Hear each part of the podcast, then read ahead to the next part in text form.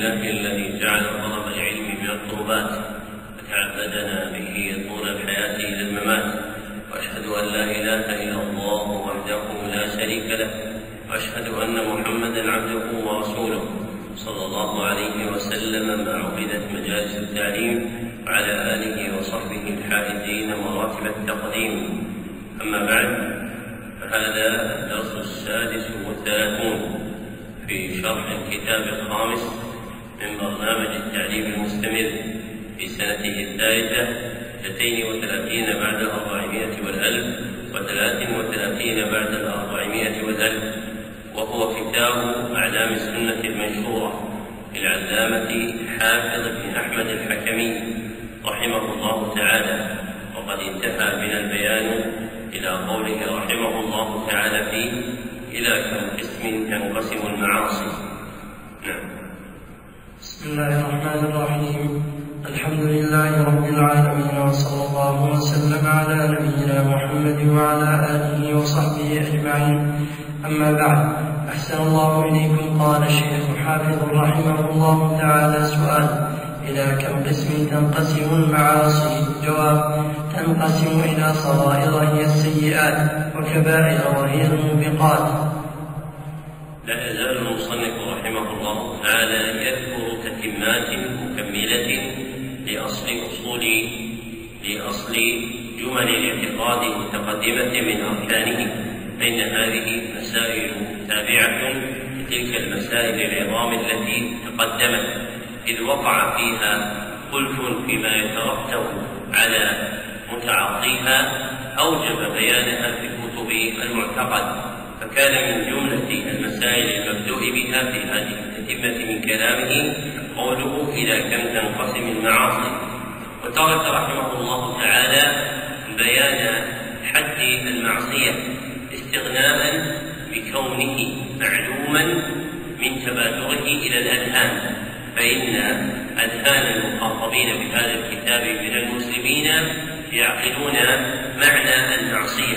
وإن لم يجتمعوا على عبارة واحدة تبين حدها فلما كان معنى المعصية واضحا بينا أغنى المصنف عن ذكر حد مبين لها. والأولى الصناعة العلمية تقسيم الحد الذي يتعلق به التقسيم أو الحكم.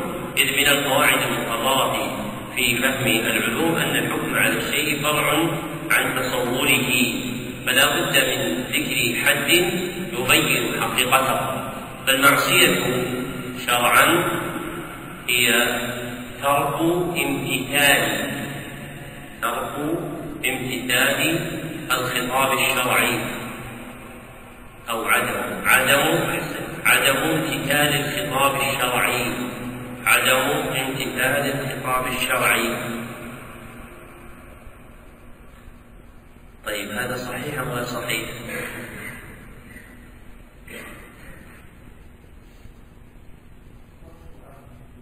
إيش؟ لا ما هو متعلق بالقصد هذا يذكر الحد يذكرون كثيرا يقولون ترك أو عدم امتثال الخطاب الشرعي ويطلقونه بينما الخطاب الشرعي فيه أمر ونهي والأمر فيه ما هو مقتضى الاقتضاء اللازم وهو الواجب ليس كذلك وهو المستحب والنهي فيه ما هو مقتضى الترك الاقتضاء اللازم وهو وهو الحرام وما ليس كذلك وهو المكروه. حينئذ يكون المخصوص باسم المعصية أيهما؟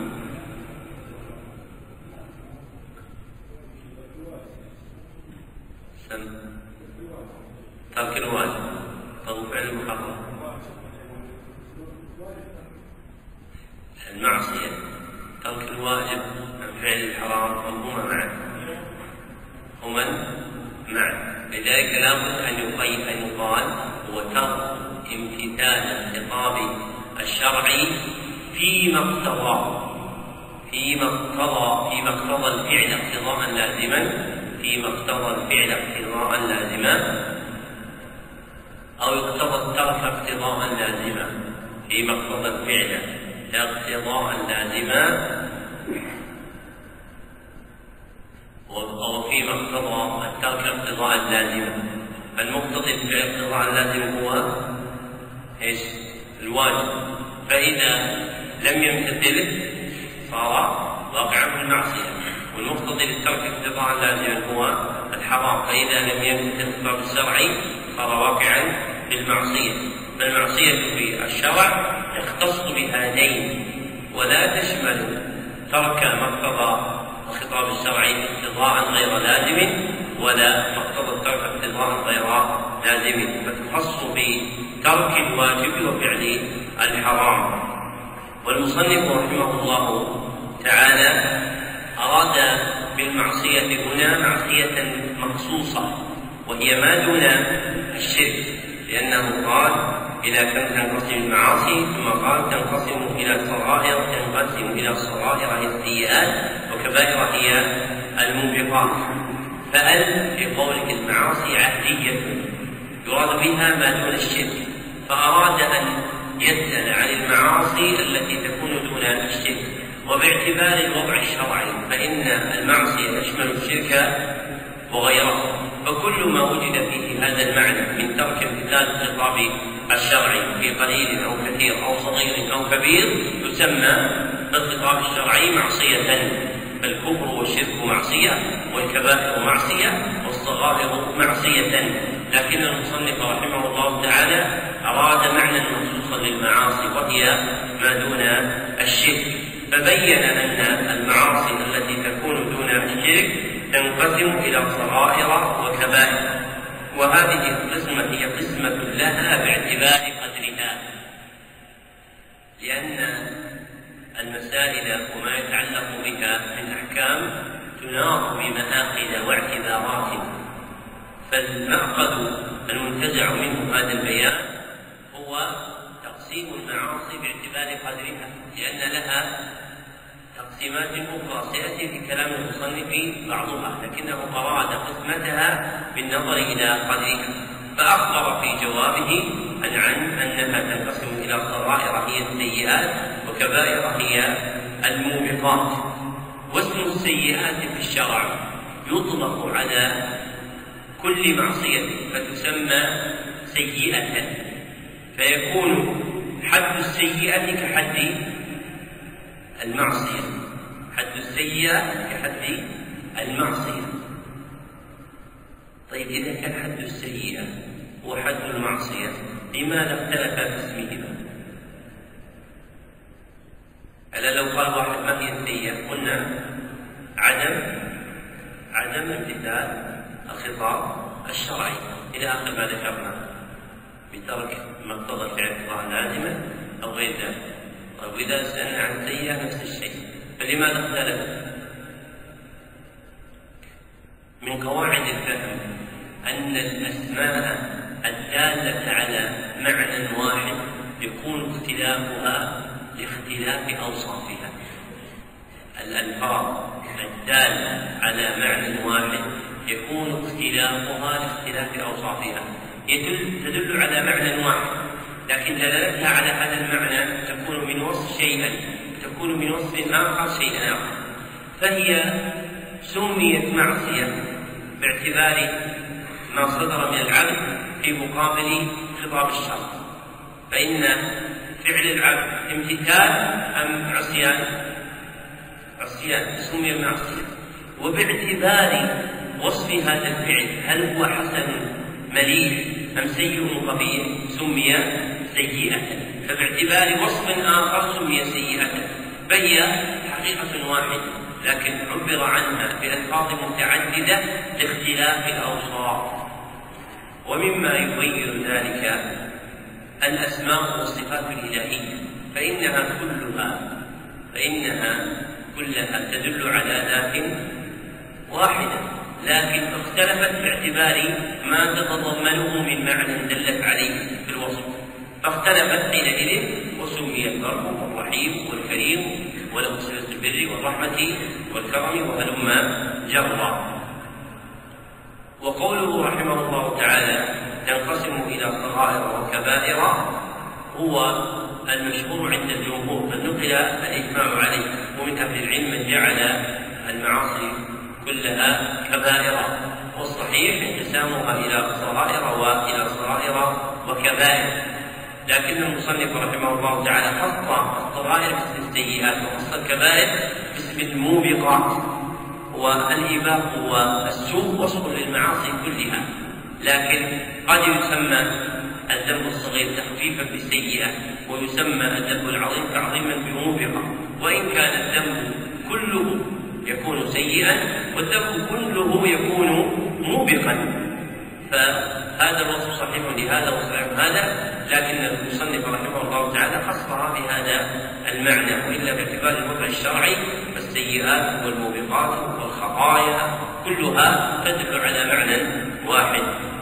نعم. أحسن الله عليكم سؤال بماذا تكفر السيئات؟ جواب قال الله تعالى إن تجتنبوا كبائر ما تنهون عنه نكفر عنكم سيئاتكم وندخلكم مدخلا كريما. وقال تعالى إن الحسنات يذهبن السيئات. فأخبرنا الله تعالى أن السيئات تكفر باجتناب الكبائر وبفعل الحسنات وكذلك جاء في الحديث وأتبع السيئة الحسنة تمحها وكذلك جاء في الأحاديث الصحيحة أن إسباغ الوضوء على الوضوء على المكاره ونقل الخطى إلى المساجد والصلوات الخمس والجمعة إلى الجمعة ورمضان إلى رمضان وقيامه وقيام ليلة القدر وصيام عاشوراء وغيرها من الطاعات أنه كفارات للسيئات والخطايا وأكثر تلك الأحاديث فيها تقييد ذلك باجتناب الكبائر. وعليه يحمل المطلق منها فيكون اجتناب الكبائر شرطا في تكفير الصغائر بالحسنات وبدونها لما بين المصنف رحمه الله تعالى انقسام الذنوب من المعاصي إلى صغائر وكبائر وارتضى السيئات للصغائر سأل سؤالا عما تكفر به السيئات وأراد بها الصغائر. فبين رحمه الله تعالى أن الصغائر تكفر باجتناب الكبائر وبفعل الحسنات وأورد من كتاب الله سبحانه وتعالى ما يدل على ذلك. فأورد قول الله عز وجل إن تجتنبوا كبائر ما تنهون عنه نكفر عنكم سيئاتكم. فإذا اجتنب الإنسان كبائر الذنوب عفى الله عز وجل عن صغائر ذنوبه ثم أورد قوله تعالى إن الحسنات يذهبن السيئات. فأخبر سبحانه وتعالى أن فعل الحسنات تذهب بالسيئات وهي في قول المصنف الصغائر. وأما باعتبار الوضع الشرعي فالسيئات اسم لجميع الذنوب. وما يقع فيه العموم أو الخصوص يحمل على ما تدل عليه الأدلة. فالحسنات تذهب السيئات إذا كانت هذه الحسنات سوى التوبة أذهبت الصغائر. أما إذا كانت الحسنات هي التوبة أذهبت الكبائر والصغائر. ثم ورد من الأدلة النبوية ما يصدق ذلك فذكر حديث وأتبع السيئة الحسنة تمحوها عند الترمذي وغيره من حديث أبي ذر بإسناد منقطع. وورد في هذا المعنى أحاديث صحيحة كما أشار إليها المصنف رحمه الله تعالى تدل أن الأعمال الصالحة من الحسنات تكفر السيئات ثم قال وأكثر تلك الأحاديث فيها تقييد ذلك باجتناب الكبائر. ففي الصحيح إذا اجتنبت الكبائر وفي لفظ المسلم ما لم تغش كبيرة. وعليه يحمل المطلق منها. فلا تكون الحسنات مكبرة للصغائر إلا إذا اجتنبت الكبائر. فإذا اجتنبت الكبائر كفرت تلك الحسنات الصغائر فالمرء الخلي من الكبائر ممن له صغائر. إذا جاء به الحسنات كفرت تلك الحسنات سيئاته الصغائر. فإن بقي الإنسان على تلك الكبائر فهل ينتفع بالحسنات بتكفيرها الصغائر أم لا؟ قولان لأهل العلم. فمن أهل العلم من يقول إن فاعل الكبائر لا ينتفع بحسناته في محو الصغائر فتبقى هذه الصغائر والقول الثاني أن فاعل الكبائر تنفعه حسناته في محو الصغائر وتبقى الكبائر. وهذا القول الثاني أرجح دليلا وأصح تعليلا. واختاره جماعة منهم ابن عطية في تفسيره رجب في فتح الباري ونسبه ابن عطية إلى الحذاء. فالصحيح أن فاعل الكبائر إذا أتى بالحسنات فإن تلك الحسنات تنفعه في تكفير الصغائر وتبقى الكبائر عليه ولا تمحى بتلك الحسنات. والقول الثاني قول من يقول إن تلك الحسنات لا ينتفع بها في محو الصغائر بل تبقى الصغائر عليه. اشتراط ذلك في الكبائر الصحيح أن من الأدلة ما جاء بدون ذلك الشر. فيدل على أن الإنسان إذا فعل صغائر وفعل كبائر وجاءت له حسنات كفرت تلك الصغائر مع بقاء الكبائر عليه فينتفع بها. نعم.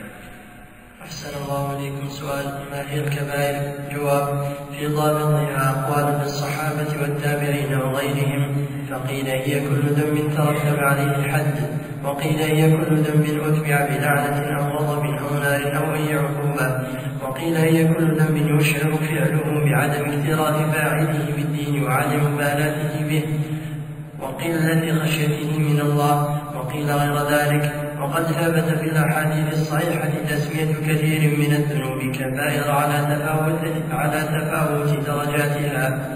فمنها فمنها كفر أكبر كالشرك بالله والسحر ومنها عظيم من, من كبائر الإثم والفواحش وهو دون ذلك. كقتل النفس التي حرم الله إلا بالحق والتولي يوم الزحف وأكل الربا وأكل مال اليتيم.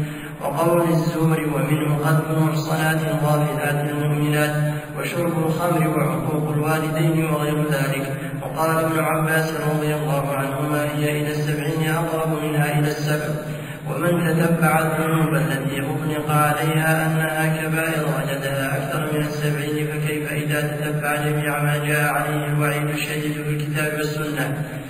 من إتباعه بلعنة أو غضب أو عذاب أو محاربة أو غير ذلك من ألفاظ الوعيد فإنه يجدها كثيرة جدا. أورد المصنف رحمه الله تعالى سؤالا آخر يتعلق ببيان ما سبق فقال ما هي الكبائر؟ ثم ذكر أن ضبطها مختلف فيه على أقوال بين الصحابة والتابعين ومن بعدهم. وأنها على درجات شتى فمنها كفر ومنها دون ذلك وهذا باعتبار الوضع الشرعي. فباعتبار الوضع الشرعي الشرك كبيرة. وأما باعتبار الاصطلاح فصار اسم الكبيره عند علماء العقيدة مخصوصا بعظائم الذنوب دون الشرك. فإذا قالوا لا يكفر بكبيرة يعني ما سوى الشرك. فلا تكون كبيرة الشرك داخله في هذا المعنى وتكون ويكون اسم الكبائر عندهم موضوعا لما سوى الشرك من اعتبار الذنوب. وأما باعتبار الوضع الشرعي فهي داخلة في اسم الكبيرة. ثم ذكر ما جاء عن ابن عباس من تفسير عددها وبين بعد ذلك أن من تتبع الذنوب التي اطلق عليها الكبائر وجدها أكثر من السبعين. والأمر كما قال ابن عباس رضي الله عنه. والتسبيع عدد موضوع عند العرب للتكثير فإذا قالوا سبعا أو سبعين أو سبعمائة ولم يصادف المعدود فإنما أرادوا التكثير فالمراد تكثير هذه الذنوب وأن كبائر الذنوب كبيرة. وتقدم القول في ما تضبط به الكبيرة لأن أهل العلم الذين تكلموا فيها فقالوا كل ذنب ترتب عليه حد أو أتبع بنار أو بنفي الإيمان أو غير ذلك ذكروا علامات للكبيرة. وعلامات الكبيرة تقرب من ثلاثين والأصل في الحدود أن تكون مبنية على الاختصار. من ذكر؟ السيوطي في تدريب الراوي. ولذلك قلنا أن المناسب أن نقول إن الكبيرة شرعا ما نهي عنه على وجه التعظيم. الكبيرة شرعا ما نهي عنه على وجه التعظيم. وهذا التعظيم نوعان ما يرجع إلى الذنب نفسه ما يرجع إلى الذنب نفسه. كالشرك والسحر وشرب الخمر.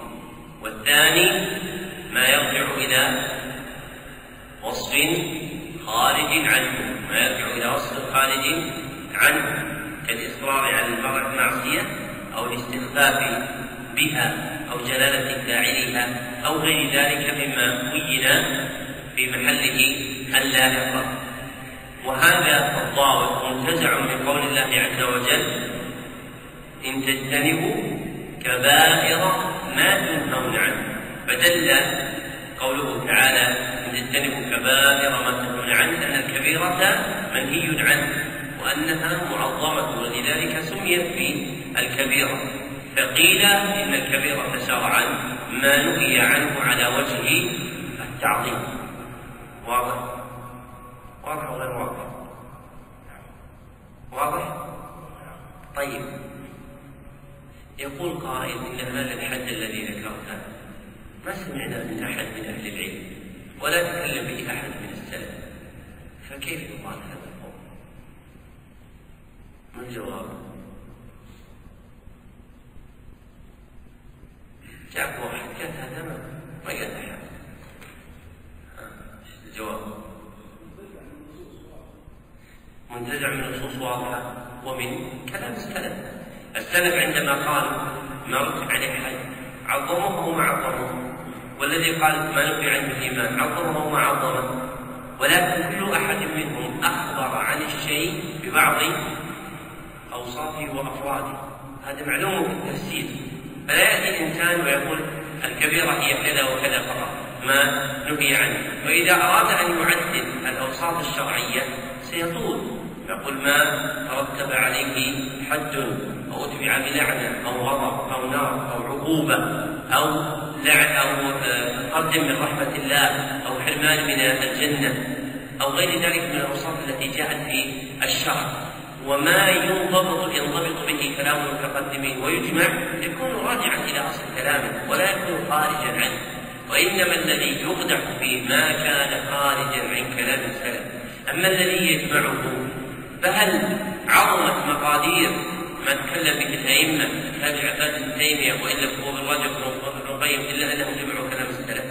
ما عظم ترى كلام هؤلاء إلا لانهم جمعوا كلام السلف ولذلك لا يستطيع الإنسان أن يفهم كثيرا من كلام السلف إلا إذا قرأ كتب هؤلاء فإن هؤلاء احسنوا النظر في كتب الأوائل ثم بعد ذلك قربوها إلينا. فصرنا نفهم كلام السلف رحمهم الله تعالى والذي يتعدى الطلب فيبتدئ من كتب السلف ولا يعرج على فهوم هؤلاء القوم الذين فهموا هذا الكلام الذي صدر من السلف. يقع فيما لا تبعد عقباه.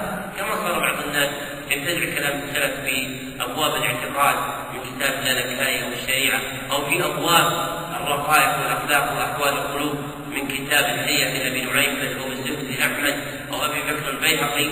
ثم يتكلم بكلام ينسبه إلى السنة والجماعة ولم يقل به أحد من أهل السنة والجماعة ولكنه فهم كلاما على وجه خلاف ما فهمه من من سبق فقال بمثل هذه المقال. حتى قال بعض الناس في المسائل العظام قال إن لأهل السنة في الخروج على الوالي أو الظالم قولان ونسب القول بالخروج إليه إلى عبد الله بن الزبير وإلى الحسين بن علي رضي الله عنهما. فمثل هذا القول لا شك في غلطه. وإن أسنده إلى الكتب المتقدمة وأورد على ذلك الأدلة لكنه لم ينظر إلى فهم السلف رحمه الله تعالى لما وقع منهما. كما قال ابن عمر رضي الله عنه لما ذكر له خروج عبد الله بن الزبير قال إنما يقاتل هؤلاء لاجل الدنيا. فلا بد أن تنظر إلى فهم الصحابة والتابعين في ذلك الزمن حتى تفهم أحوال السلف. أما ما وقع من خطأ من أحد السلف وتجعله قولا لاهل السنة فهذا غلط على أهل السنة فإذا أراد الإنسان أن يتكلم بكلام يجمع به كلام السلف ويبينه به كان ذلك صحيحا وإن لم يتكلم به الثاني أما إن كان آت بقول لم يفهمه أهل السنة والجماعة ممن مضى ثم ينسبه إلى السلف فهذا خطأ وإن وجد في الكتب المتقدمة. لأن فهم كلام أهل العلم وطريقة السنة والجماعة يا إخوان ليس فهمها بما تجد في الكتب. هذا غلط. فهمها بما يوجد في الحياة. هذا فهمها بما تصرفوا به وعملوا به. هذا هو الواقع. ما يأتي إنسان يجد الكلام لبعض السلف في بعض المسائل وينسب هذا القول إلى أهل السنة والجماعة. قل هذا قول فلان. أما تقول هذا قول للسنة والأهل السنة والجماعة لا ما تقول هذا إلا إذا كان فهما لأهل السنة والجماعة. ولذلك تجد في بعض أقوالهم رحمه الله تعالى ما يكشف الغطاء عن مسائل متلهمة كما قيل لبعض الأئمة رحمهم الله تعالى أرأيت رجلا خرج يقاتل الإمام الذي لا يعمل في الكتاب والسنة. فقال إذا رأيت خارجيا يخرج على من لا يعمل بالكتاب والسنة يريد أن يعمل بالكتاب والسنة فاجلس في بيتك. قال فاجلس في بيتك إذا كان هذا الإمام لا يعمل بالكتاب والسنة وخرج خارجي لا يعمل بالكتاب والسنة وليس المقصود به إمام كافر وإنما إمام كافر من من الفساق الذين يدخلون على الكتاب والسنة. هذا قال الزم عليك بيتك أمسك عليك بيتك لا تجدون أمر مما يحتاج الناس في دينهم إلا وبالكتاب والسنة وكلام السلف ما يصلح ويكفي ولكن الناس رجعوا إلى زبلات أذهانهم وحثلات أفكارهم فصاروا يخططون ما شاءوا فيها من الخطط ومنشأ ضلال الناس في رجوعهم إلى عقولهم واستغنائهم بما تنتج عليه نفوسهم دون النظر في كلام الله وكلام النبي صلى الله عليه وسلم وكلام السلف بتجرد بل يعتقد الإنسان مقالة ثم يبحث في كلام الصحابة والتابعين وفي القرآن والسنة ما يستدل به عليها. والواجب على الإنسان الصادق في اتباعه أن يجدد قلبه من الميل إلى أحد من المخلوقين. فإن أحدا من الناس لا يغني عنك شيئا أمام الله سبحانه وتعالى وإن عظم قدره عند الخلق. ولكن اعتبر بنظرك إذا وقفت بين يدي الله سبحانه وتعالى فسألك عن شيء ما تقول فيه. والمتقي لله عز وجل بأمر العلم والعمل يطلب هذا ولا يقدم على ما يدل عليه الكتاب والسنة. وما كان عليه السلام شيئا البتة وإن اجتمع الناس كلهم عليه. فلو اجتمع الناس على شيء خلاف ما هو في كتاب الله وسنة النبي صلى الله عليه وسلم أو ما كان عليه السلف في حالهم فإنه لا يقدم عليه شيئا. والمقصود أن يحرص الإنسان على فهم مناقل العلم ومراتبه ومنازله وأن الكلام الذي يصدر مما يكون جمعا لكلام السلف وتأليفا بينهم أن هذا ليس إحداثا. وإنما الإحداث أن يتكلم الإنسان بكلام لم يتكلم من مضى من أهل السنة والجماعة به وإن وجده في كلام السلف. إن وجد في كلام واحد من السلف شيء من هذه المسائل ثم انتبه إلى السنة والجماعة مع أن أهل السنة والجماعة لم يعملوا بها فحينئذ لا يقال إن هذا قول لأهل السنة والجماعة وإنما يقال هذا قول لفلان أو فعله فلان. أما أن ينسب هذا إلى السنة والجماعة فلا. السنة والجماعة هي الطريقة الظاهرة المشهورة التي اختلف عليها الناس. هذه التي تنسب إلى السنة والجماعة. أما التي تنسب إلى أقوال أفراد من السلف فهذا لا بأس أن يعزو الإنسان يقول هذا لفلان أو هذا قول فلان. أما أن يقول لاهل السنة والجماعة في هذه المسألة قولان. ثم لا نجد الكبار من الأئمة الذين فهموا هذه المسائل أوجبوا جاء جاءوا بهذا الكلام الذي قاله بعض الناس. ثم تجد في كلام الحذاق من أهل السنة والجماعة والحديث ممن يتكلم في هذه المسائل كلامه ربما أنزله المتأخر فيما يظهر للناس انه موافق للحق وفي حقيقة الأمر ليس كذلك. كالمنقول عن جماعة من أهل العلم أن الدعاء لولاة الأمر في الجمعة أن هذه بدعة من البدع وهذا الكلام الذي تكلم به جماعة وذكره الشاطبي في الاعتصام وغيره إنما أرادوا به لا في حال ظهور منافرتهم فإنه لما ظهرت المنافرة والوقيعة والخروج على ولاة الأمر صار من من شعائر أهل السنة دعاتهم لأئمتهم، أما قبل ذلك فإنهم لم لم يكونوا يفعلونه، لأن أول من أظهره هم بنو أمية تعظيما للولاة منهم، ثم صار بعض الناس ممن يجاريهم في أمر الدين. يجعل الدعاء له في الجمعة ويزيد عليه الثناء حتى قيل طاعة شامية كما ذكره ابن عباس بن تيمية في منهاج السنة النبوية. لكن لما ظهر الطعن في ولاة الأمر صار من شعار أهل السنة الدعاء لهم في الجمعة. فإذا جاء إنسان بكلام بعض الأئمة وقال هذا كلام بعض الأئمة يقول الدعاء لولاة الأمر يوم الجمعة في الخطبة أن هذا بدعة قيل له انظر موقعه الذي تكلم فيه. فإنه إنما تكلم به عند عدم الحاجة إليه من عدم ظهور الطعن عليهم والوقيعة فيهم فكان حينئذ لا حاجة إلى تلزم بدعاء. لكن لما كان من علامات أهل البدع الواقعة في بلاد أمين صار من شعار أهل السنة الدعاء لواتهم دعاء لا يتدلقون به إليه.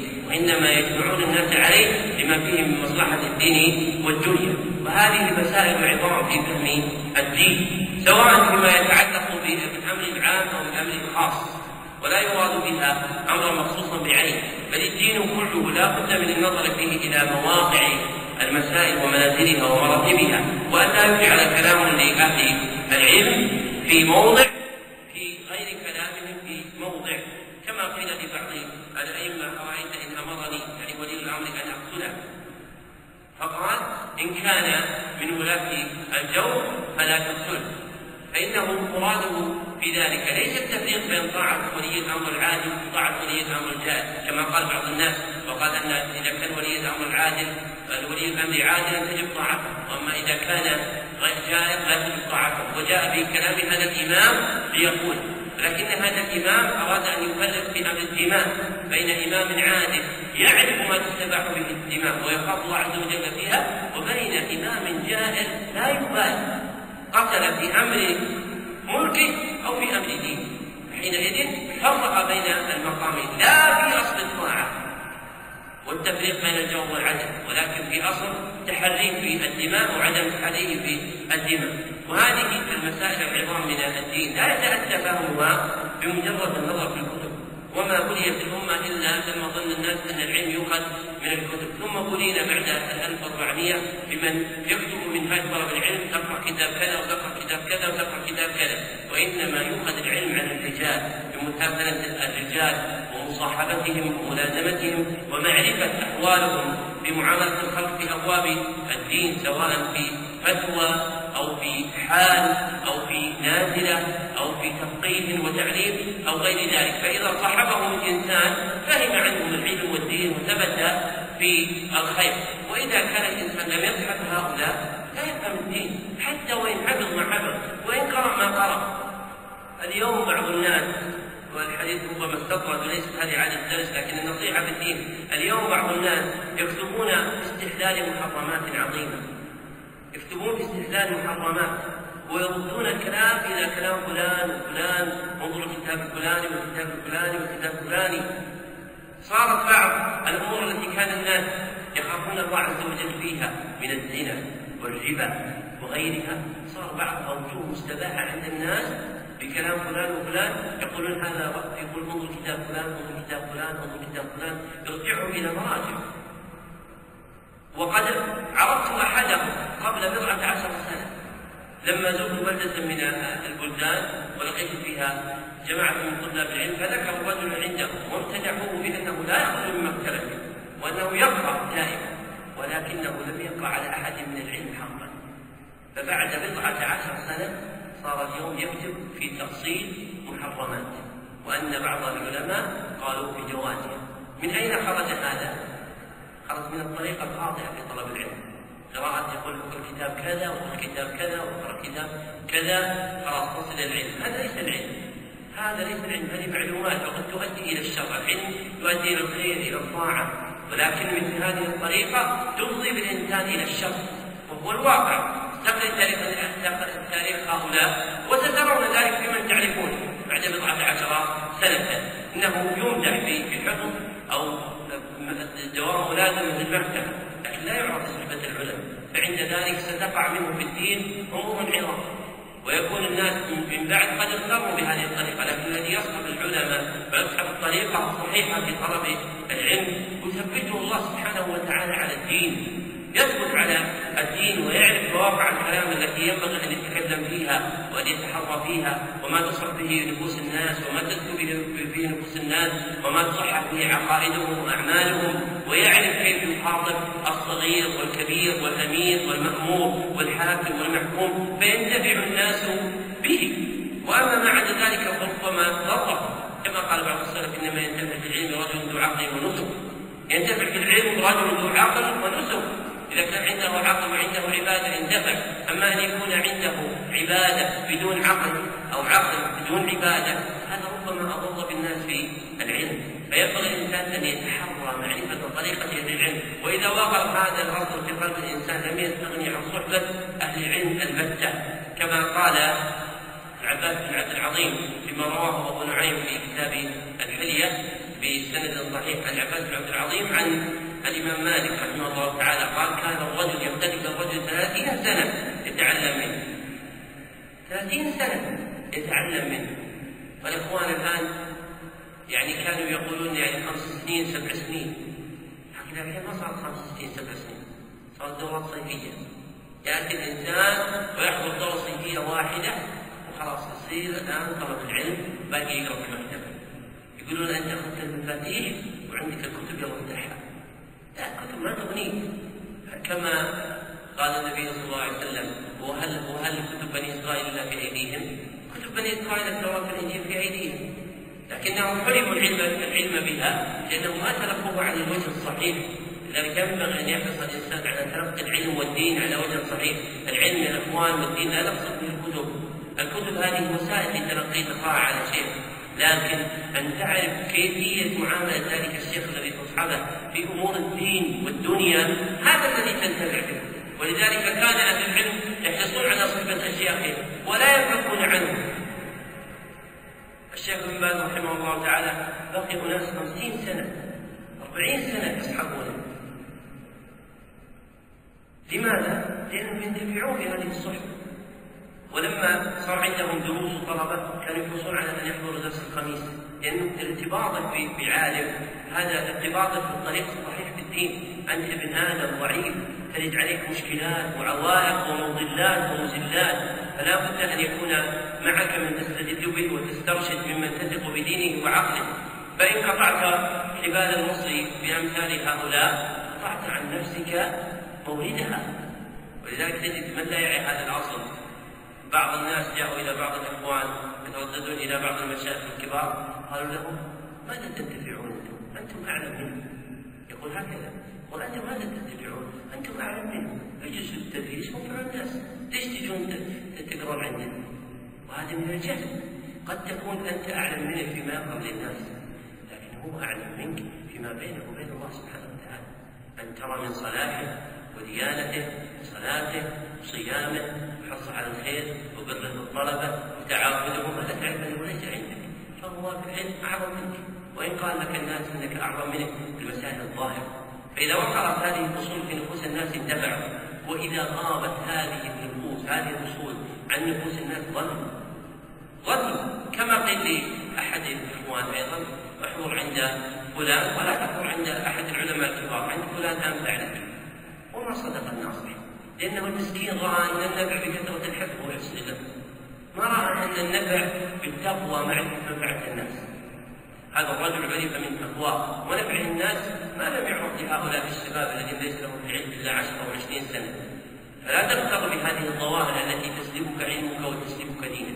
ولكن احرص على طريقة من سلف والتزم بها. فإنك تهدى وما رأينا أحدا التزم بها إلا نجا. وما رأينا أحدا تنكبها إلا نجا وكم من إنسان حرم نفسه العلم أو حرم الناس ما عنده من العلم بسبب خروجه عن طريقة أهل العلم.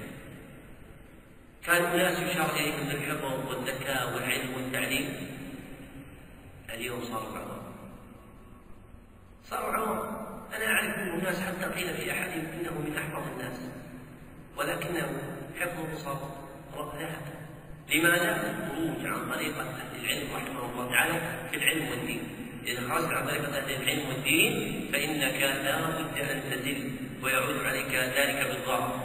ولذلك لا يغتر الإنسان بكثرة الحفظ والذكاء والفطنة وكثرة الجمع. لا تغتر الأيام مناقب. ستجد في آخر الأيام من يصل. كم رأى الإنسان من أولي ذكاء وفطنة وحذر ولكنهم طواهم بساط الأيام والخوف أن يبسطك أن يطلق البساط كما ترى يخاف على نفسه العاقل يخاف على نفسه أن يطيع البساط كما رواه فصاروا عواما أو عظاما الإنسان يخاف رب عز وجل أن يلتحق بهذه العصبة التي خذلت ويديم رب سؤال ربه سبحانه وتعالى أن يثبته على الإسلام والسنة. نسأل الله عز وجل أن يثبتنا جميعا على الإسلام والسنة. نعم. أحسن الله إليكم. سؤال لماذا تكفر جميع الصغائر والكبائر؟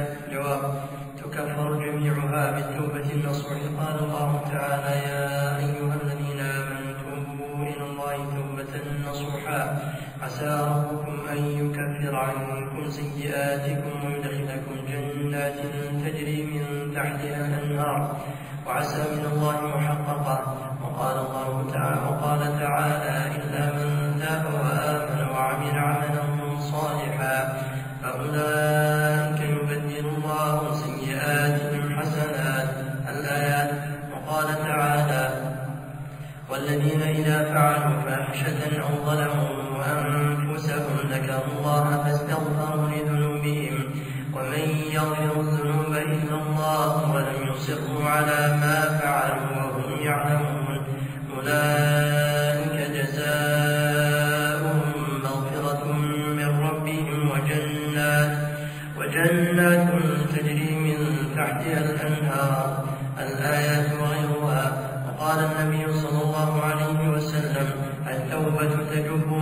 قبلها وقال صلى الله عليه وسلم الله أفرح بتوبة عبده من رجل نزل, نزل منزلا وفيه مهلكة ومعه راحلته عليها طعامه وشرابه فوضع رأسه فنام نومة فاستيقظ وقد ذهبت راحلته حتى اشتد عليه الحر والعطش.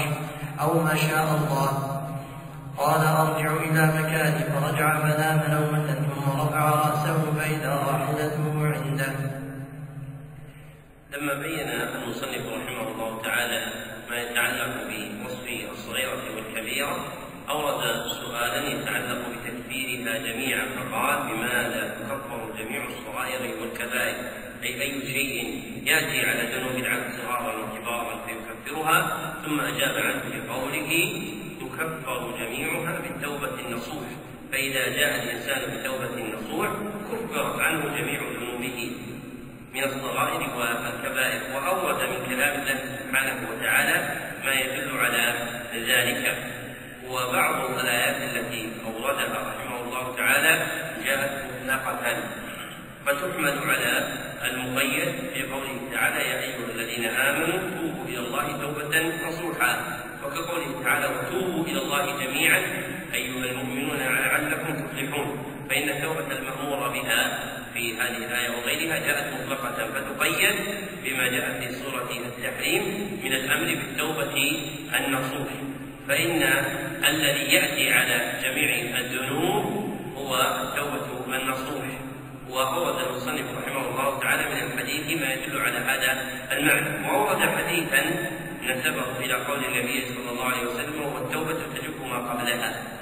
وتقدم بيان أن هذا اللفظ لا يعرف حديث النبوي وإن نسبه جماعة إلى قول النبي صلى الله عليه وسلم وإنما يصح معناه فالتوبة تجب ما قبلها جاء معناه بعدة أحاديث أما بلفظه فلم يصح عن النبي صلى الله عليه وسلم. وإنما فيه حديث عمرو بن العاص في صحيح مسلم كما علمنا أن الإسلام يهدم ما كان قبله وأن الهجرة تهدم ما كان قبلها وأن الحج يهدم ما كان قبله. أما لفظ التوبة تجب ما قبلها فلا يثبت في ديوان السنة. نعم.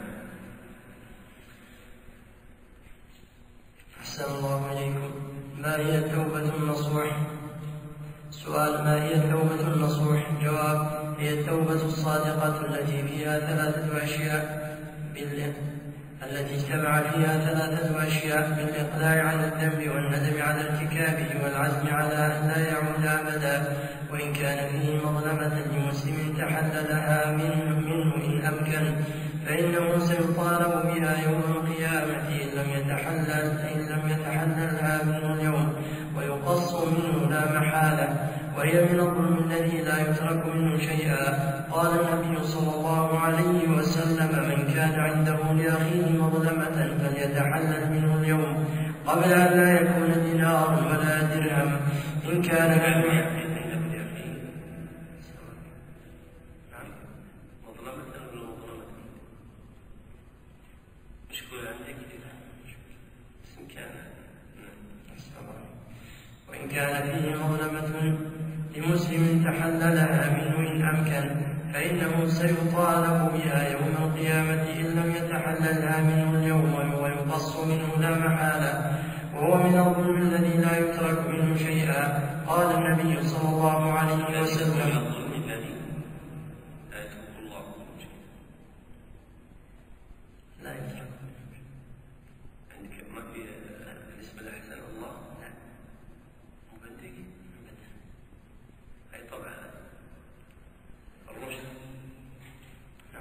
الثانية الجمالية كما يخلق الله أحد مع النسخة القديمة المعتمدة هي النسخة القديمة هذه النسخة غير معتمدة لكن قدر الله ما النسخة القديمة التي طبعت ضمن مجموع مؤلفات عرض الحكم الخمسة في عهد الملك معتمدة نعم أحسن الله قال النبي صلى الله عليه وسلم من كان عنده لأخيه مظلمة فليتحلل منه اليوم قبل أن لا يكون دينار ولا درهم. إن كان له حسنات أخذ من حسناته. وإلا أخذ من سيئات أخيه وطرحت عليه. لما بين المصنف رحمه الله تعالى أن التوبة النصوحة تكفر جميع الصغائر والكبائر احتاج إلى ايراد سؤال يبين حقيقة التوبة النصوح فقال ما هي التوبة النصوح؟ ثم أجاب عنه بقوله هي الصادقة. وصدق رحمه الله تعالى فإن التوبة النصوح هي الصادقة. وأحسن ما جاء في بيان صدقها ما رواه ابن جرير سند صحيح عن عمر بن الخطاب أنه قال التوبة النصوح هي أن يتوب من الذنب ثم لا يعود إليه. هي أن يتوب من الذنب ثم لا يعود إليه. فهذه هي التوبة الصادقة وهي التوبة النصوح. وما ذكره المصنف من أن التوبة الصادقة هي ما اجتمع فيه ثلاثة أشياء الإقلاع عن الذنب والندم على الكتاب والعزم على أن لا يعود أبدا وإن كان فيه مظلمة لمسلم تحللها. ليست هذه التوبة النصوح بل هذه التوبة الصحيحة من الذنب. وليست هي التوبة النصح والتوبة الصحيحة من الذنب ما جمع هذه الشروط الثلاثة الإقلاع من الذنب والندم على ارتكابه والعزم على ألا يعود إليه أبدا وإن كان لحق مخلوق تحلل منه. أما التوبة النصوح فهي كما ذكره ابن القيم في بدائل السالكين تتضمن ثلاثة أشياء. الأول تعميم جميع الذنوب واستغراقها. تعميم جميع الذنوب واستغراقها. تعميم جميع الذنوب واستغفارها بحيث لا يبقى على ذنب مما سلف تعميم جميع الذنوب واستغفارها بحيث لا يبقى على ذنب مما سلف. وثانيها اجتماع القلب على العزيمة والصدق فيها بكليته. اجتماع القلب على العزم فيها والصدق بكليته. يعني تمام الإقبال القلب على إرادتها.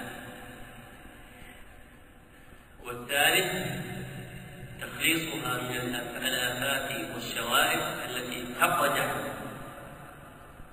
في إخلاص العبد تخليصها من آلآفات والقوادح التي تقدح في إخلاصها ذكر هذا في مدارج السالكين عند كلامه عن التوبة وهو كلام حسن. لأن هذه هي التوبة النصوح. أما التوبة أما التوبة الصحيحة من الذنب فإنه يصلح منه التوبة وإن لم يكن قد نصح بتوبته. كإنسان تقع منه عدة موبقات. فإذا تاب من ذنب واحد منها كانت توبته من ذلك الذنب صحيحة. لكن هل توبته نصوحا؟ ليست نصوحا. ليست نصوحا لأنه قد بقي عليه ذنوب. فرق بين التوبة الصحيحة والتوبة الصادقة. وها هنا إشكال في شروط التوبة ورده بعض الأنبياء وهي أن المتكلمين من جمهور أهل العلم ذكروا في شروط التوبة الندم على فعل الذنب. واضح؟ والندم فعل أم انفعال؟ إيش؟ انفعال. إيش ذكرنا إحنا فعل الانفعال تقدم عندنا. تقدم في هذا الكتاب. ولا لا؟ في هذا الكتاب ولا لا والله إنه تقدم. قلنا الفعل هو التأثير والانفعال هو التأثر. الفعل هو تأثير والانفعال هو التأثر. والعبد مخاطب بالفعل أو مخاطب بالانفعال مخاطب بالفعل. مأمور ومنهي بما يتعلق بالفعل. وأما الانفعال فغير مكلف به. لأنه لا اختيار له فيه أليس بعض الناس تقول لا حتى تضحك فلان يقول ما عليك لا صح؟ لا اختيار. له بعض الناس يبكي تقول يا أخي لا تبكي. يقول لا الانفعال ليس له فيه اختيار وأما الفعل له فيه اختيار. فكيف يؤمر العبد بالانفعال؟ كيف يؤمر بالندم؟ وضح الإشكال. كيف يؤمر بالأدب؟ بالندم وهو انفعال ليس فعل فعلا ما الجواب؟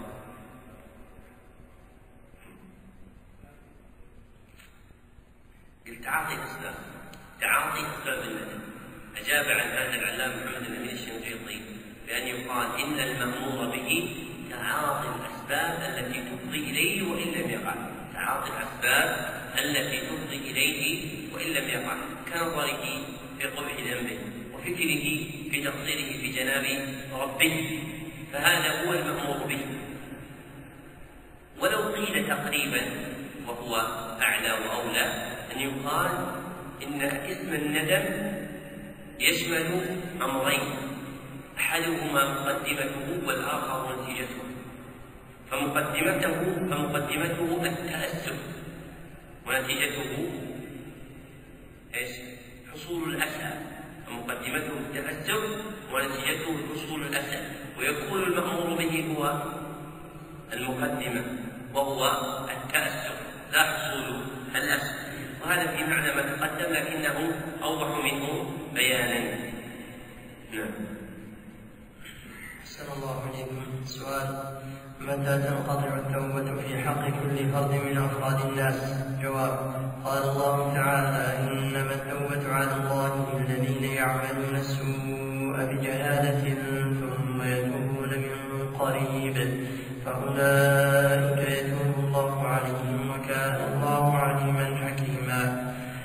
أصحاب رسول الله صلى الله عليه وسلم أن كل شيء عصي الله به فهو جهالة سواء كان عبدا أو غيره وأن كل ما كان قبل الموت فهو قريب. وقال النبي صلى الله عليه وسلم إن الله يقبل توبة العبد ما لم يغرغر ثبت ذلك في أحاديث كثيرة. فأما إذا عاين الملك وحشرجت الروح في الصدر وبلغت الحلقوم وغرغرت النفس صاعدة.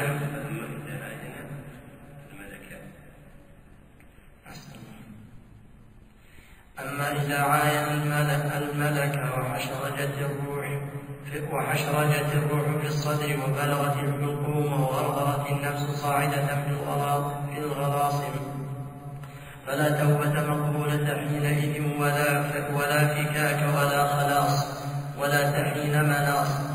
وذلك قوله عز وجل عقب عقب هذه الآية وليست التوبة للذين يعملون السيئات حتى إذا حضر أحدهم الموت. قال إني تبت الآن الآية.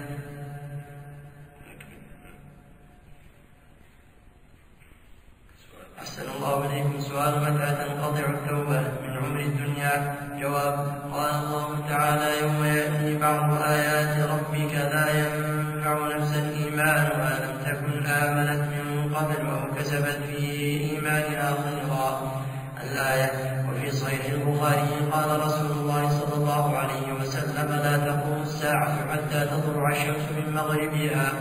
فإذا طلعت ورآها الناس آمنوا أجمع آمنوا أجمعون وذلك حين لا ينفع نفسا إيمانها. ثم قرأ الآية وقد وردت في معناها أحاديث كثيرة عن جماعة من الصحابة من عن النبي صلى الله عليه وسلم. في الأمهات وغيرها وقال صفوان بن عسان سمعت رسول الله صلى الله عليه وسلم يقول إن الله فتح بابا قبل المغرب عرضه سبعون عاما للتوبة لا يغلق حتى تطلع الشمس منه. رواه الترمذي وصححه والنسائي وابن ماجه في حديث طويل. لما بين المصنف رحمه الله تعالى تعالى الأمر بالتوبة النصوح أورد سؤالين فيهما الخبر عن زمن انقطاع التوبة خاصا وعاما. فإن العمر له معنيان أحدهما عمر خاص وهو حساب حياة كل أحد. الأول عمر خاص وهو حساب حياة كل أحد. والثاني عمر عام وهو حساب عمر الدنيا كلها. فأورد سؤالا يتعلق بالأول ثم أورد سؤالا يتعلق بالثاني. فقال في السؤال الأول متى تنقطع التوبة في حق كل فرد من أفراد الناس؟ وأورد من كلام الله ومن السنة النبوية ما يدل على أن انقطاعها يكون بغرغرة الروح.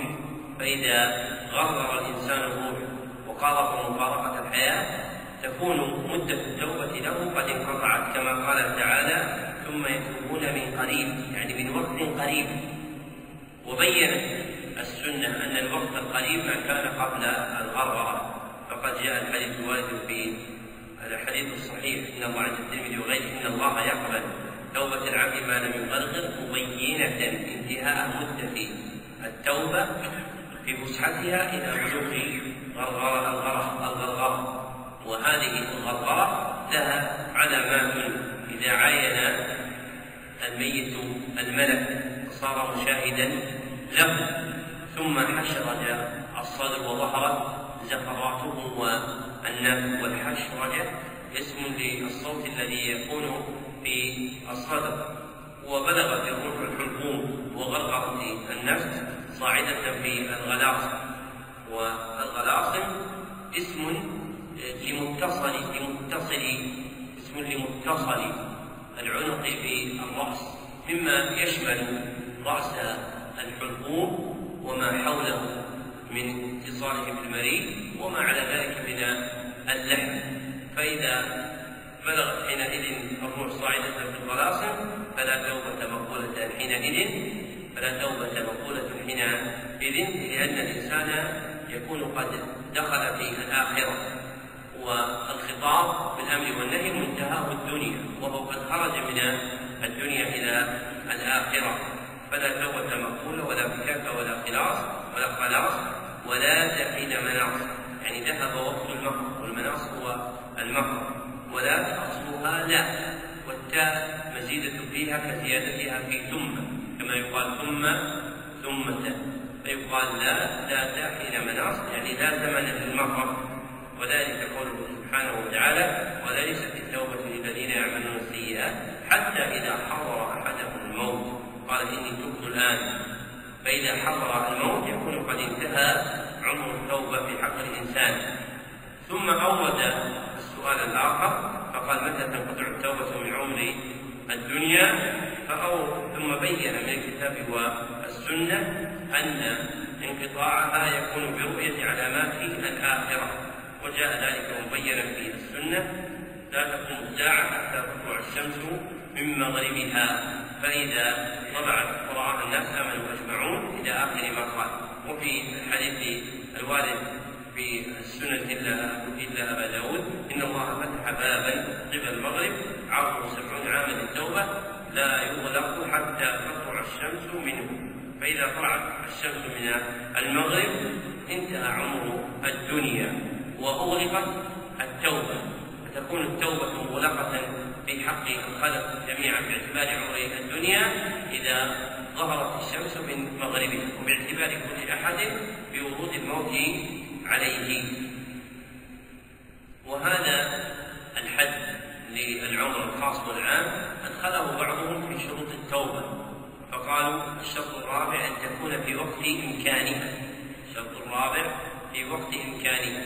وفسروا وقت الإمكان بأنه لكل أحد قبل غرغرته وللخلق جميعا قبل ظهور الشمس من مغربها وهو قول الحسن. نعم. أحسن الله إليكم. سؤال ما حكم من مات من الموحدين مصرا على كبيرة؟ جواب قال الله عز وجل ونضع الموازين القسط ليوم القيامة فلا تظلم نفس شيئا. وإن كان مثقال حبة من خردل أتينا بها وكفى بنا حاسبين. وقال تعالى والوزن يومئذ الحق. فمن ثقلت موازينه فأولئك هم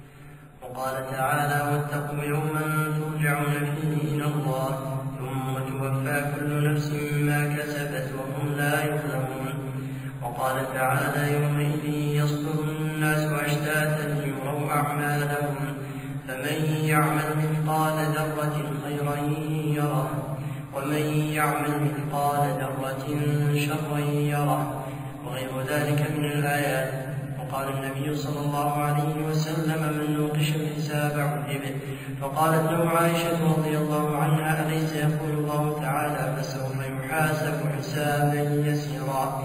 قال بلى إنما ذلك العرض ولكن من نوقش الحساب عذب. وقد قدمنا من النصوص في الحشر وأحوال الموقف والميزان ونشر الصحف والعرض والحساب والصراط والشفاعات وغيرها ما يعلم به تفاوت مراتب الناس وتباين أحوالهم. في الآخرة بحسب تفاوتهم في الدنيا في طاعة ربهم وضدها من سابق ومقتصد وظالم لنفسه. إذا عرفت هذا فاعلم أن الذي أثبتته الآيات القرآنية والسنن النبوية ودرج عليه السلف الصالح والصدر الأول من الصحابة والتابعين لهم بإحسان. من أئمة التفسير والحديث والسنة أن العصاة من أهل من أهل التوحيد على ثلاث طبقات. الأولى قوم رجحت حسناتهم بسيئاتهم فأولئك يدخلون الجنة ولا تمسهم النار أبدا. والثانية قوم تساوت حسناتهم وسيئاتهم فقصرت بهم سيئاتهم عن الجنة وتجاوزت بهم حسناتهم عن النار. وهؤلاء هم أصحاب الأعراف الذين ذكر الله تعالى أنهم يوقفون بين الجنة والنار. ما شاء الله أن يوقفوا. ثم يؤذن لهم في دخول الجنة كما قال تعالى بعد أن أخبر بدخول أهل الجنة الجنة وأهل النار. النار وتناديهم فيها قال وبينهما حجاب وعلى الأعراف رجال يعرفون كلا بسيماهم ونادوا أصحاب الجنة أن سلام عليكم.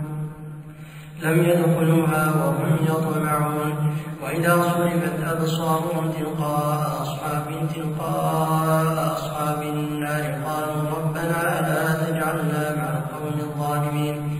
إلى قوله ادخلوا الجنة لا خوف عليكم ولا أنتم تحزنون.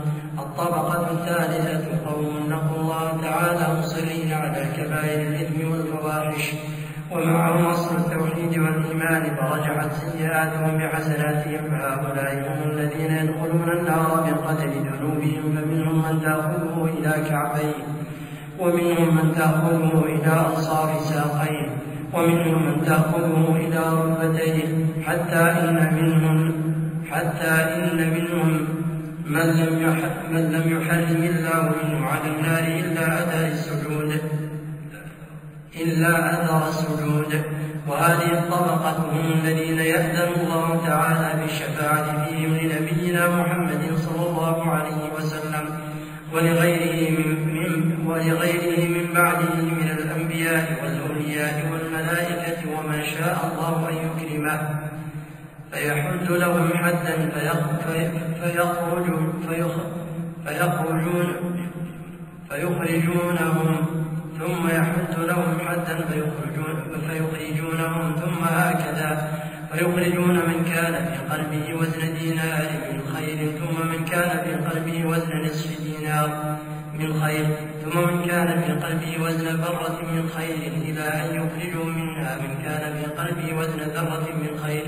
إلى أدنى من مثقال ذرة إلى أن يكون الشفعاء ربنا لم نذر فيها خيرا ولم يخلد في النار أحد ممن مات على التوحيد ولو عمل أي عمل ولكن كل من كان منهم أعظم إيمانا وأخف ذنبا كان أخف عذابا في النار. وأقل مكتا فيها وأسرع خروجا منها. وكل من كان أعظم ذنبا وأضعف إيمانا كان بعد ذلك. والأحاديث في هذا الباب لا تحصى كثيرا. وإلى ذلك أشار النبي صلى الله عليه وسلم بقوله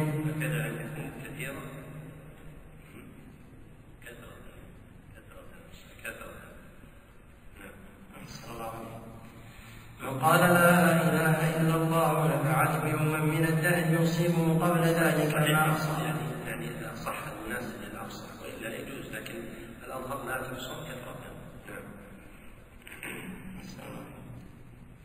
والأحاديث في هذا الباب لا تحصى كثرة وإلى ذلك أشار النبي صلى الله عليه وسلم بقوله من قال لا إله إلا الله نفعته يوما من الدهر يصيبه قبل ذلك ما أصابه.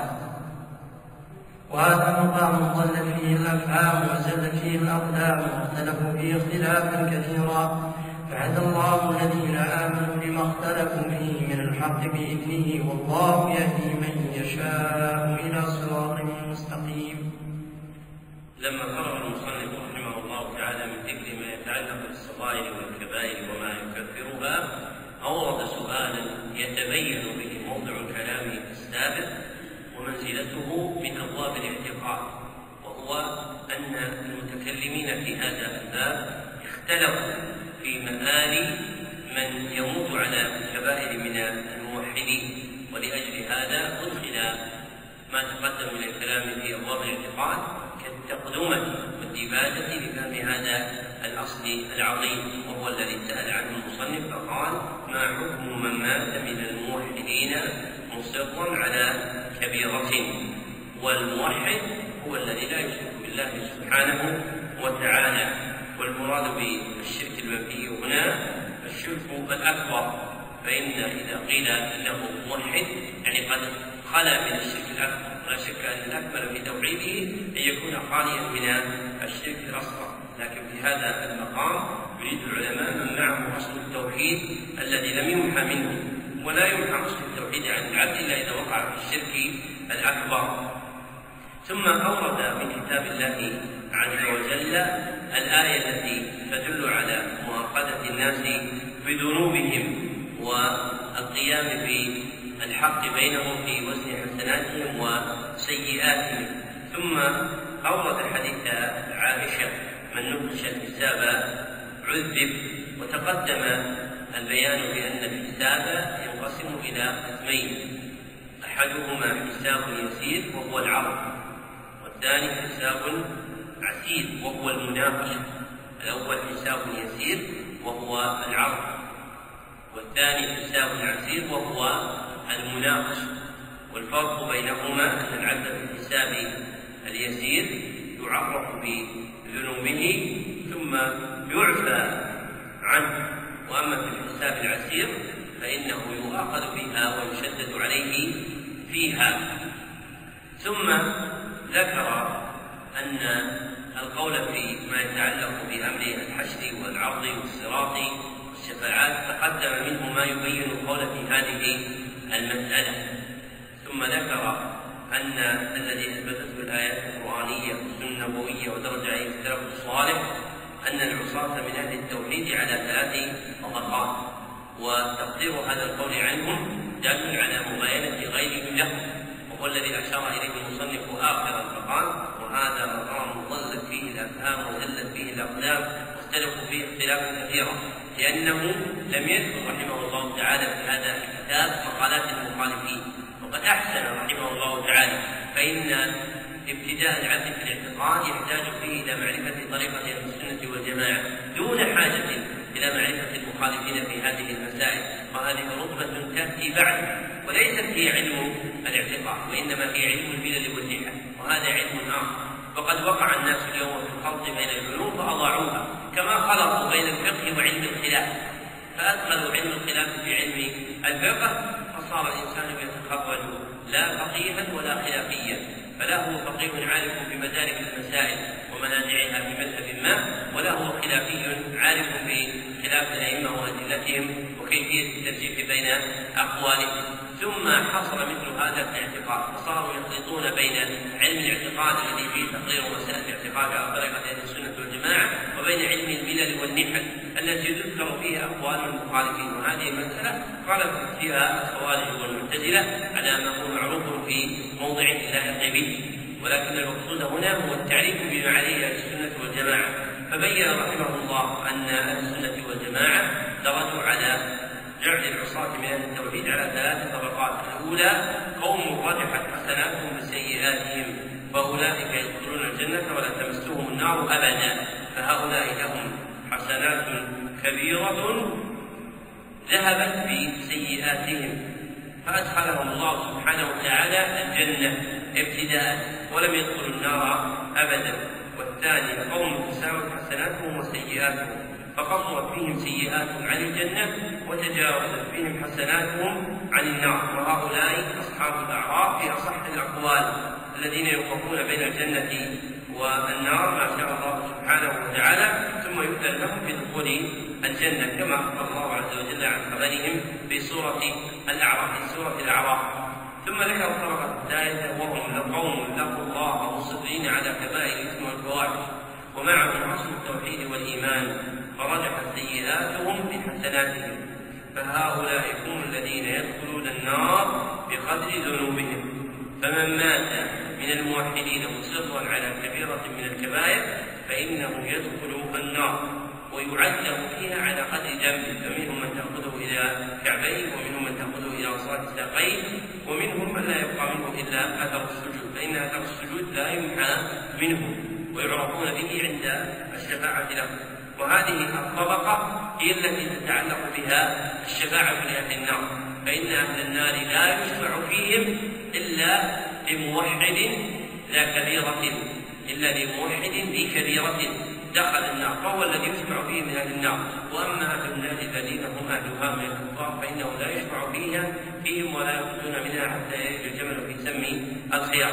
فهؤلاء يشفع فيهم الشفعاء من النبي صلى الله عليه وسلم وغيره وغيره من الأنبياء والملائكة والأولياء ومن شاء الله أن يكرمه. ويخرج من النار من كان في دينار من خير أو وزن دينار أو وزن قرة أو وزن شعيرة أو وزن ذرة إلى ادنى من مثقال ذرة كما ورد في الأحاديث الصحيحة عن النبي صلى الله عليه وسلم. وكل من كان أعظم إيمانا وأخف ذنبا كان أخف عذابا في النار وأقل مكتا فيها وأسرع خروجا منها. وكل من كان أعظم ذنبا وأضعف إيمانا كان بعد ذلك فهم درجات في حصول الشفاعة لهم وخروج من النار بقدر ما يحصل به تطهيرهم فإن ادخالهم النار يراد به تطهيرهم من الذنوب التي أصابوها فيطهرون منهم فيطهرون من هذه الذنوب بالعذاب الذي يصيبهم ثم يشفع فيهم ويكون مآلهم إلى الجنة. فالموحدون أولو الكبائر يدخلون النار ولا يخلدون فيها ويخرجون بشفاعة من يشفعه الله سبحانه وتعالى ثم برحمته سبحانه وتعالى. وأورد المصنف رحمه الله تعالى حديثا يشير إلى ذلك وهو حديث أبي هريرة عند الإفطار وغيره من قال لا إله إلا الله نفعته يوما من الدهر يصيبه قبل ذلك ما أصابه. وهذا الحديث رجاله ثقات ولذلك جرى على ظاهره جماعة من أهل العلم فصححوه لأنه حديث غلط غلط فيه بعض الرواة فأدخل فيه حديثا في حديث والصواب أنه حديث لا يصح عن النبي صلى الله عليه وسلم بهذا اللفظ. نعم. أحسن الله عليكم سؤال هل الحدود كفارات لأهلها الجواب. قال النبي صلى الله عليه وسلم وحوله عصابة من أصحابه. بايعوني على أن لا تشركوا بالله شيئا ولا تسرقوا ولا تزنوا ولا تقتلوا أولادكم ولا تأتوا ببهتان تفترونه بين أيديكم وأرجلكم ولا تعصوا في معروف. فمن وفى منكم فأجره على الله ومن أصاب من ذلك شيئا فعوقب به في الدنيا فهو كفارة له. التشديد أبلغ زي ما قرأت أنت فمن وفى فمن وفى صحيح لكن المناسب للمقام التشديد فيه لأن المقصود تكميله على أكمل وجه والتشديد يدل على التكميل يقال فمن وفى منكم. نعم. فمن وفى منكم فأجره على الله ومن أصاب من ذلك شيئا فعوقب به في الدنيا فهو كفارة له. ومن أصاب من ذلك شيئا ثم ستره الله فهو إلى الله إن شاء عفى عنه وإن شاء عاقبه. يعني غير الشرك. قال عبادة بايعناه على ذلك. لما ذكر المصنف ما سبق من الذنوب وتكفيرها استطرد فذكر مسألة متعلقة بها وهي هل الحدود كفارات لأهلها والحدود تطلق على معاني متعددة. منها العقوبات المقدرة شرعا وهي المرادة ها هنا. المراد بالحد هنا العقوبة المقدرة شرعا. واختلف أهل العلم في كون الحدود كفارات لأهلها أم لا. على قولين أصحهما أن الحدود تكفر ذنوب من أصاب منها شيئا كما في هذا الحديث في الصحيحين. ومن أصاب من ذلك شيئا فعوقب به في الدنيا فهو كفارة له. فذلك دال على أن ما يقع عليه من العقوبة في الدنيا بإقامة الحج عليه فإنه يكفر عنه ذنبه الذي أصابه. أحسن الله عليكم سؤال ما الجمع بين قوله صلى الله عليه وسلم في هذا الحديث فهو إلى الله؟ إن شاء عفى عنه وإن شاء عاقبه وبين ما تقدم من أن من رجع سيئاته بحسناته دخل النار.